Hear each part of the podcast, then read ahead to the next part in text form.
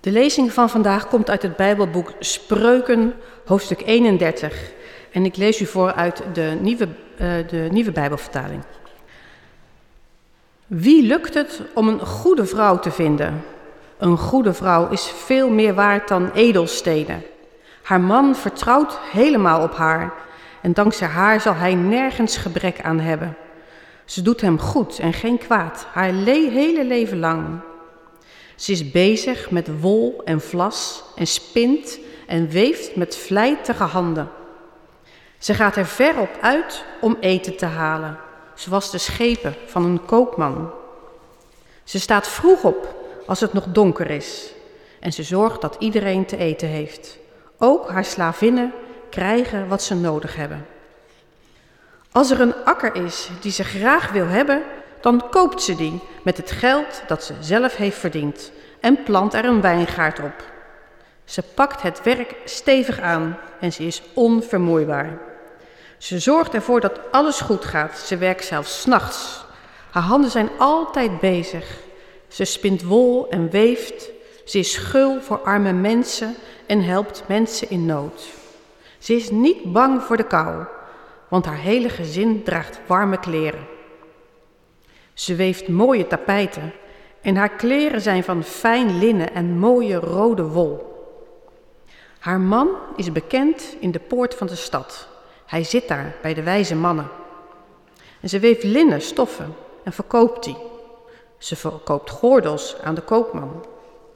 Ze straalt kracht en schoonheid uit en ze geniet van elke dag. Haar woorden zijn altijd vol wijsheid.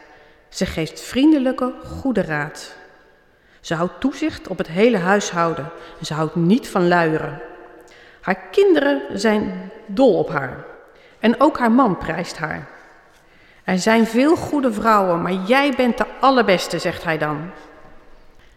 Elegant zijn is alleen maar uiterlijk en schoonheid verdwijnt. Maar een vrouw die ontzag heeft voor de Heer, die wordt geprezen. Ze mag genieten van wat haar handen hebben gedaan. Ze zal in de stad voor haar werk worden geprezen. Tot zover deze lezing. Een goede vrouw of een sterke vrouw, wie zal haar vinden? Het is een bekende tekst die Celine en ik kozen voor deze lekenpreek vandaag. Hoe vaak klonk dit loflied op de vrouw al niet bij de uitvaart van een moeder en een oma om deze geliefde vrouwen te eren en te beschrijven. En nu wij in deze kerkdienst Maria centraal wilden stellen, vonden wij deze tekst ook passend. Deze tekst is de afsluiter van het Bijbelboek Spreuken, wat direct na het boek Psalmen komt. Het is een bijzonder vrouwvriendelijk slothoofdstuk, na zeer vrouwonvriendelijke spreuken die eraan vooraf gaan. De vrouwonvriendelijkheid blijkt uit vergelijkingen als de mond van een lichtzinnige vrouw is als een, een diepe put.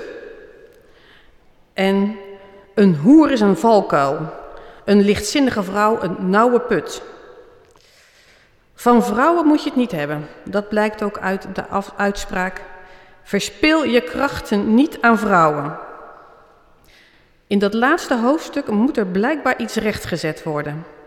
De balans tussen man- en vrouwverhoudingen wordt hersteld met deze beroemd geworden tekst.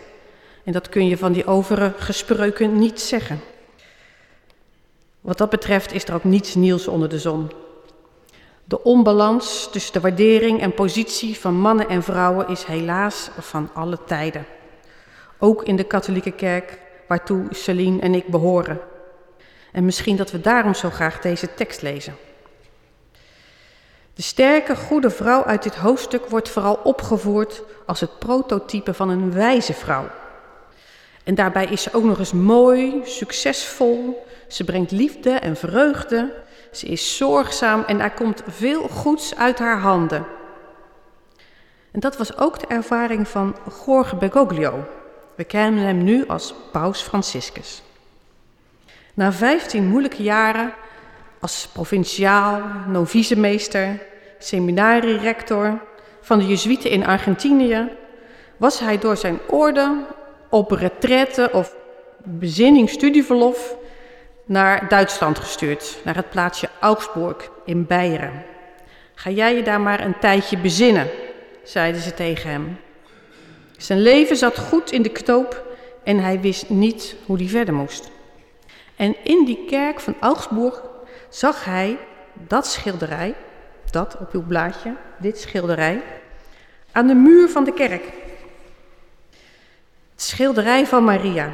En ze heeft daar de mooie Duitse naam Maria Knoteleuzerin. Want dat is wat ze doet. Ik vertelde het net al even. Engelen reiken haar een koord aan, vol lint en vol knopen. En dat geven ze bij Maria in handen. En Maria laat het door haar handen gaan. En als ze dus uit dat koord uit haar handen komt, dan zijn die knopen eruit. En deze afbeelding van Maria met, met dat lint heeft grote betekenis voor Gorge Bergoglio, de priester die zo in de knoop zat. Hij legde de knopen die hij op zijn hart zat in de handen van Maria. In het vertrouwen en het geloof dat uit handen van deze sterke, wijze, zorgzame vrouw, die haar lijf en leden aan God verbonden had, dat uit haar handen iets goeds moest komen. En dat vraagt soms wel wat geduld.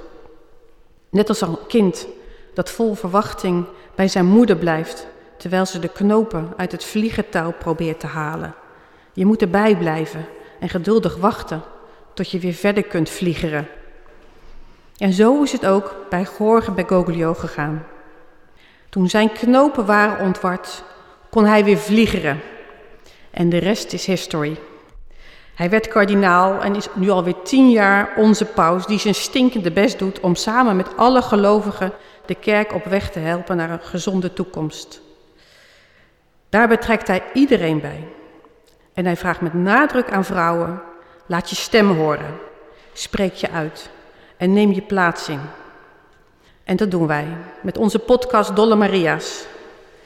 We bespreken lastige onderwerpen, knopen uit het leven en die gaan er niet zomaar uit. Je moet erbij blijven, in gesprek blijven met elkaar, luisteren naar elkaar, hoopvol en in het vertrouwen dat we samen verder komen. Want we hebben elkaar nodig. Sterke vrouwen en wijze mannen die ruimte geven en hun support. Want alleen zo komen we luisterend en biddend samen op weg. Zo kunnen we alleen samen op weg zijn. En zo voelen we het lekkere briesje van de Heilige Geest, die ons leidt en inspireert. En al gaande met elkaar zingen we een loflied voor Maria, voor al het goede dat uit haar handen komt. Amen.